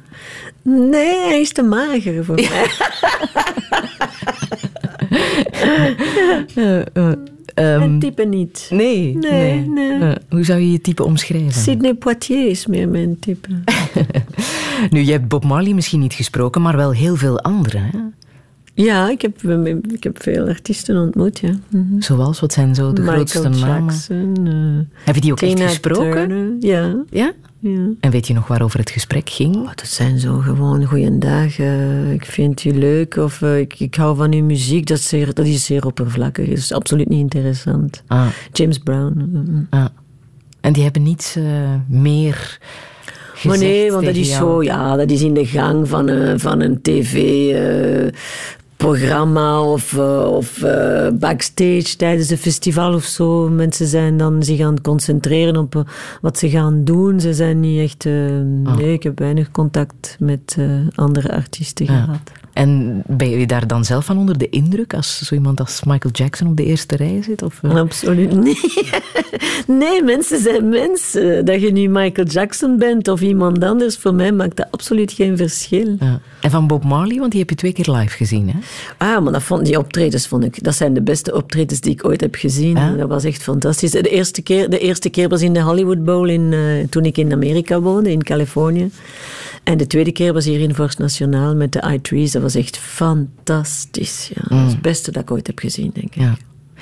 Ehm, in 95 heb je op een bepaald moment eh, gekapt hè, met Faya con Dios, omdat het allemaal... Ik heb een pauze genomen. Een pauze, ja. Mhm. Omdat het echt allemaal te veel was. Mhm, Ehm, ja. Dat artiestenleven, ehm, was het niet wat je had verwacht? Maar je gaat, we gingen veel op reis, we waren veel in het buitenland en dan heb je eigenlijk geen leven meer. Je komt thuis en eh, je bent verloren. Eh, Je, je hebt geen, er is geen structuur meer in je leven. Hè? En dus eh, je bent op, op de baan en je gaat van één hotel naar het andere. En in het begin vond ik dat geweldig, dat was de droom van mijn leven. Dat was, eh, maar op den duur is dat zeer eh, onpersoonlijk. En eh, ja, op, ik had, zo, ik had behoefte aan een beetje meer structuur in mijn leven. Een beetje meer, eh, ja, iets regelmatigers. Mhm. Was het ook contradictorisch om de mensen uit hun dak te zien gaan als je de hits zong, terwijl dat voor jou waarschijnlijk ja, de zoveelste keer Nee, na, na, na en What's a Woman... eh, Ja, want het is toch altijd leuk, hè? Als publiek. Toch wel? Ja, ja, Ja? natuurlijk. Ja, ja, Ja. Anders doe je het niet meer, hè? Maar dat hoor je toch van artiesten, dat ze soms toch pogingen doen om net die grote hits eens niet te spelen. En Dat is zo. nummers en... Ik heb dat ook, maar je kunt, je kunt dat niet doen. De mensen verwachten die iets. Wat wij dan wel doen, is we, doen, we, we, we proberen andere arrangementen of zo. We gaan die een beetje anders brengen. Dat maakt het dan voor ons ook nog een beetje interessant, zie je. Ja, ah, ah. Wat stond er op jullie rider als jullie eh, gingen eh, optreden? Jullie verlanglijstje? Dat mogen artiesten ook altijd opmaken, hè? Wat Die ze we allemaal nog, willen. de rider, eh. Ja? Oh, daar staat heel veel op, eh, maar eh, het zijn meest, meestal technische dingen. Hè. Eh, voor ons eh, een kleedkamer die er een beetje deftig uitziet. En een spiegel en een strijkplank en een strijkijzer en een beetje drank en een beetje eten. En, eh, En geen excessen? Geen? Excessen, niets dat overdreven is, dat daar nee, eigenlijk dat niet is al lang gedaan hoor. Ja? Vroeger moesten we whisky op en een wijn en weet ik wat. En nu is het, ik zal niet zeggen verboden, maar bijna niemand drinkt nog. En heel veel artiesten vragen nu gezonde voeding, hè? Absoluut. En er zijn er veel meer en meer die vegetarisch zijn ook. En vooral als je met Engelse muzikanten werkt. Dat is nu niet meer het geval, maar vroeger toen ik Engelse muzikanten had, zo tijdens één tournee, dan moest alles, alles vegetarisch zijn. Ja. Mhm. Wat eh, is voor jou eh, de grootste hit? Als je zelf mag kiezen, wat vind je zelf eh, het moment de gloire waar je het best mee gescoord hebt? ja. Ja? En waarom? Kan je, kan Omdat dat het een soulnummer is en soul is mijn favoriete muziekstijl. Ah. Mhm. En ook omwille van de inhoud van dat nummer? Ja, dat vind ik wel een beetje... De laatste keer dat ik eh, gezongen heb, dacht ik toch van... God, die liedjes die zijn toch wel allemaal een beetje droevig. En daar begin ik een beetje, ja, een beetje genoeg van te hebben. Het is allemaal een beetje triestig, dat vind ik wel spijtig. Dus als ik ooit nog een plaat maak, zal ik proberen een, een vrolijke plaat te maken. Ja, want wat je hier zingt, is, ja, het, het is jouw verhaal, het is jouw levensverhaal. Hè. Wat is een vrouw? Ja, maar ik denk van meer. Maar ja, weer al, omdat je verwacht, je alles verwacht van, eh, allee, van, van, van je partner en van een koppel zijn en zo. En dat is allemaal, ja, dat is overdreven. Ik denk mensen die goed samenleven, dat zijn de mensen die niet te veel van de ander verwachten, denk ik.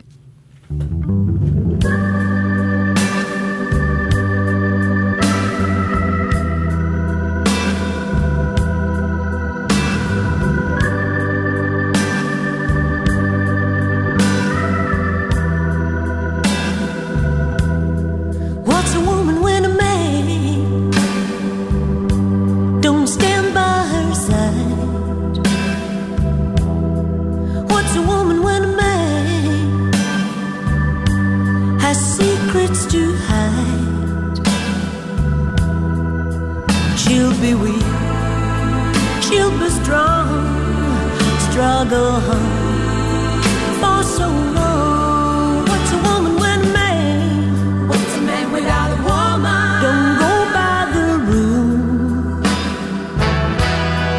What's a woman when a man? What's a man without a woman? Makes her feel like a fool. When right turns to wrong, she will try to hold on to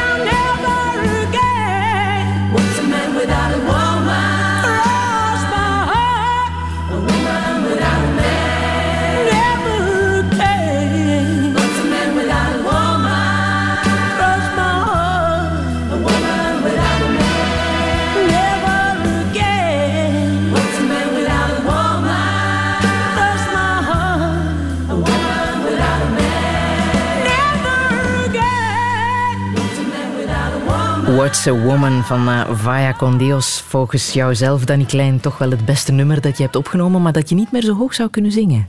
Nee, dat denk ik niet. Je stem verlaagt hè, met de jaren, dat is Ja. normaal. Hè. Ja. Dat, zijn, dat zijn spieren. En onze spieren zijn niet meer wat ze waren toen wij twintig waren. Enfin, voor mij toch niet.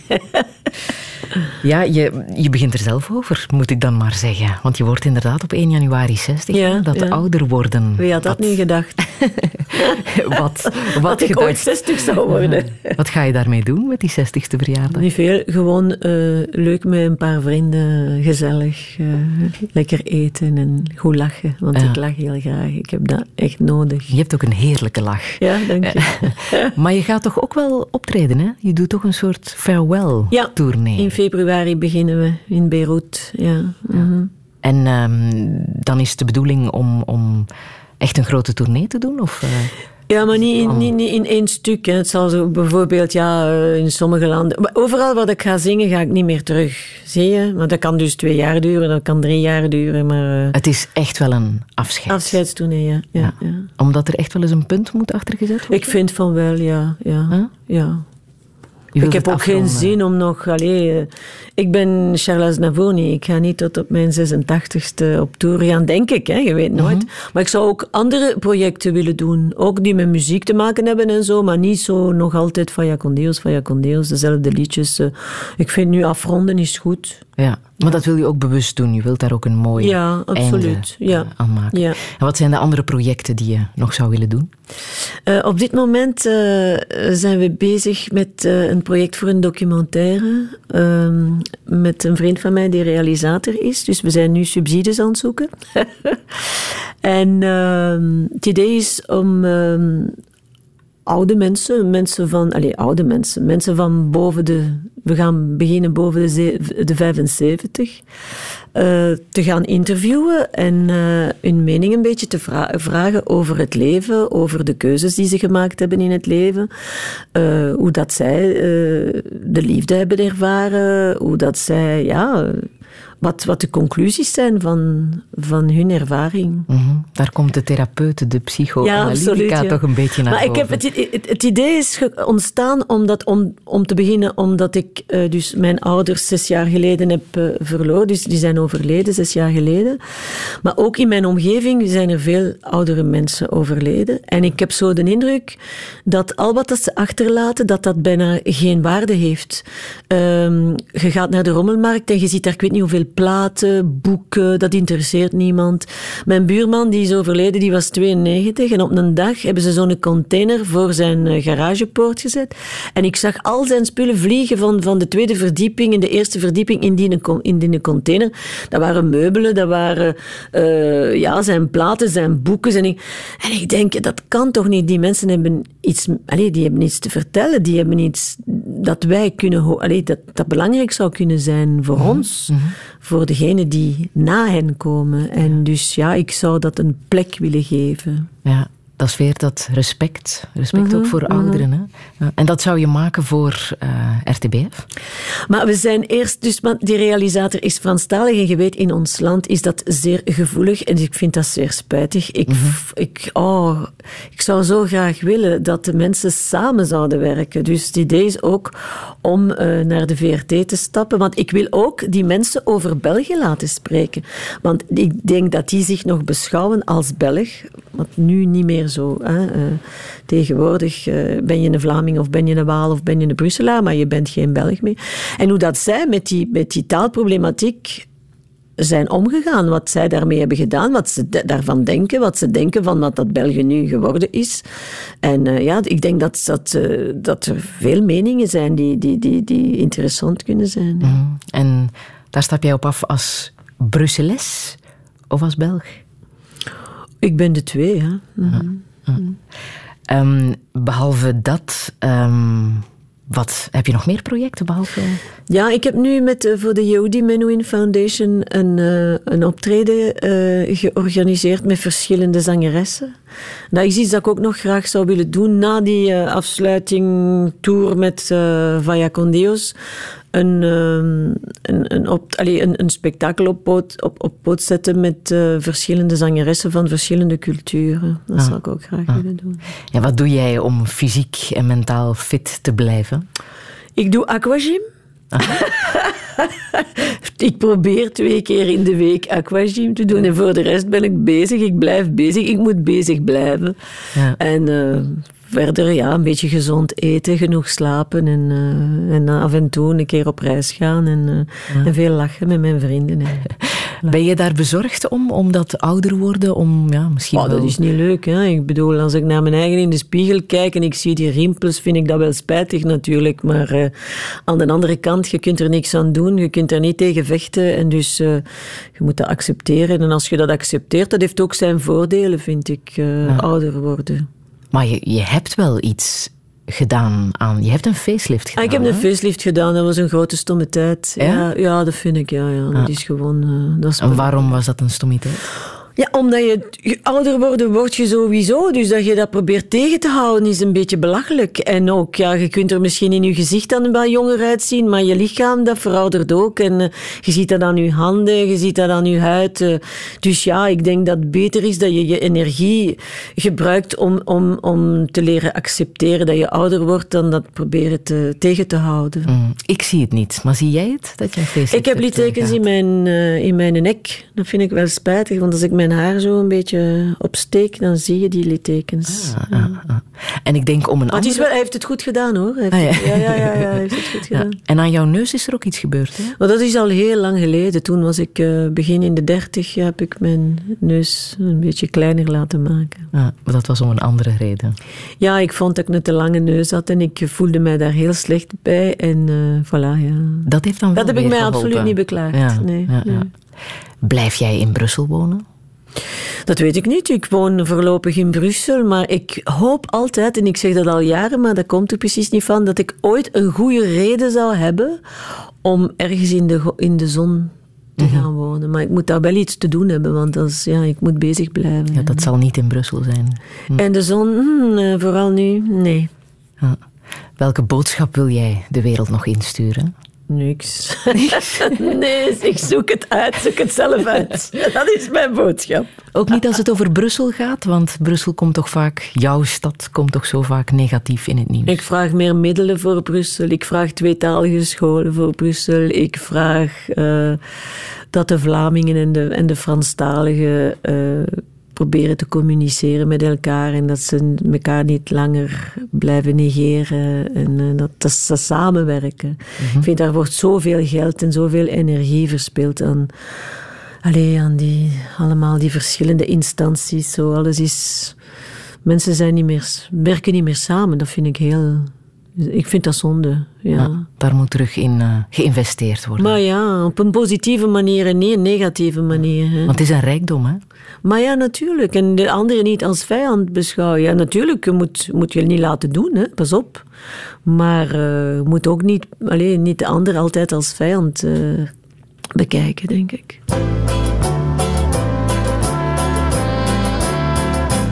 On n'oublie rien, de rien on n'oublie rien du tout.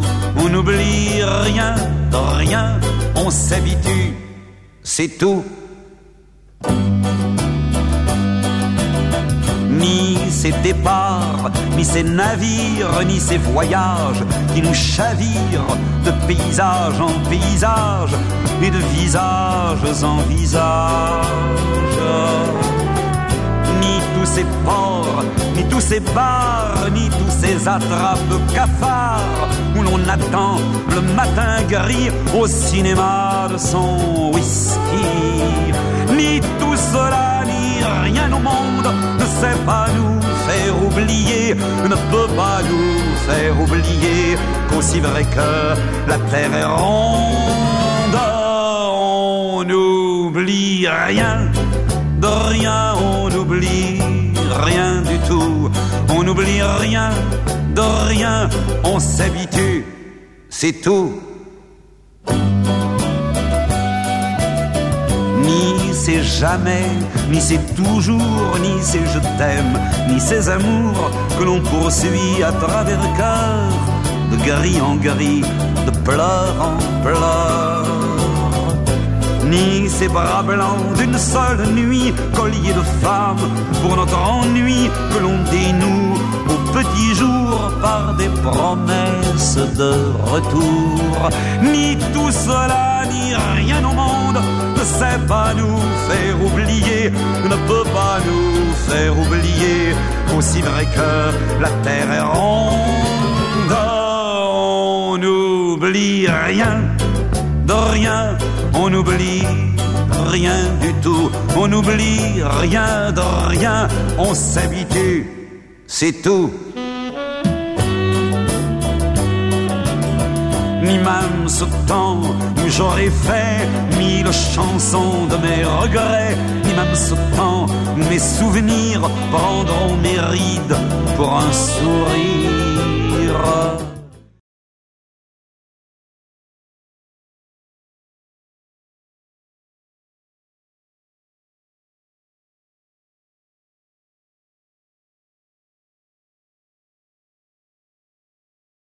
Dat wou ik toch zeker nog even vermelden.